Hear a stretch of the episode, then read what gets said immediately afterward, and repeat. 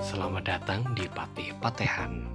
Saya adalah Patih atau Tuan dari Patehan atau tempat minum teh ini.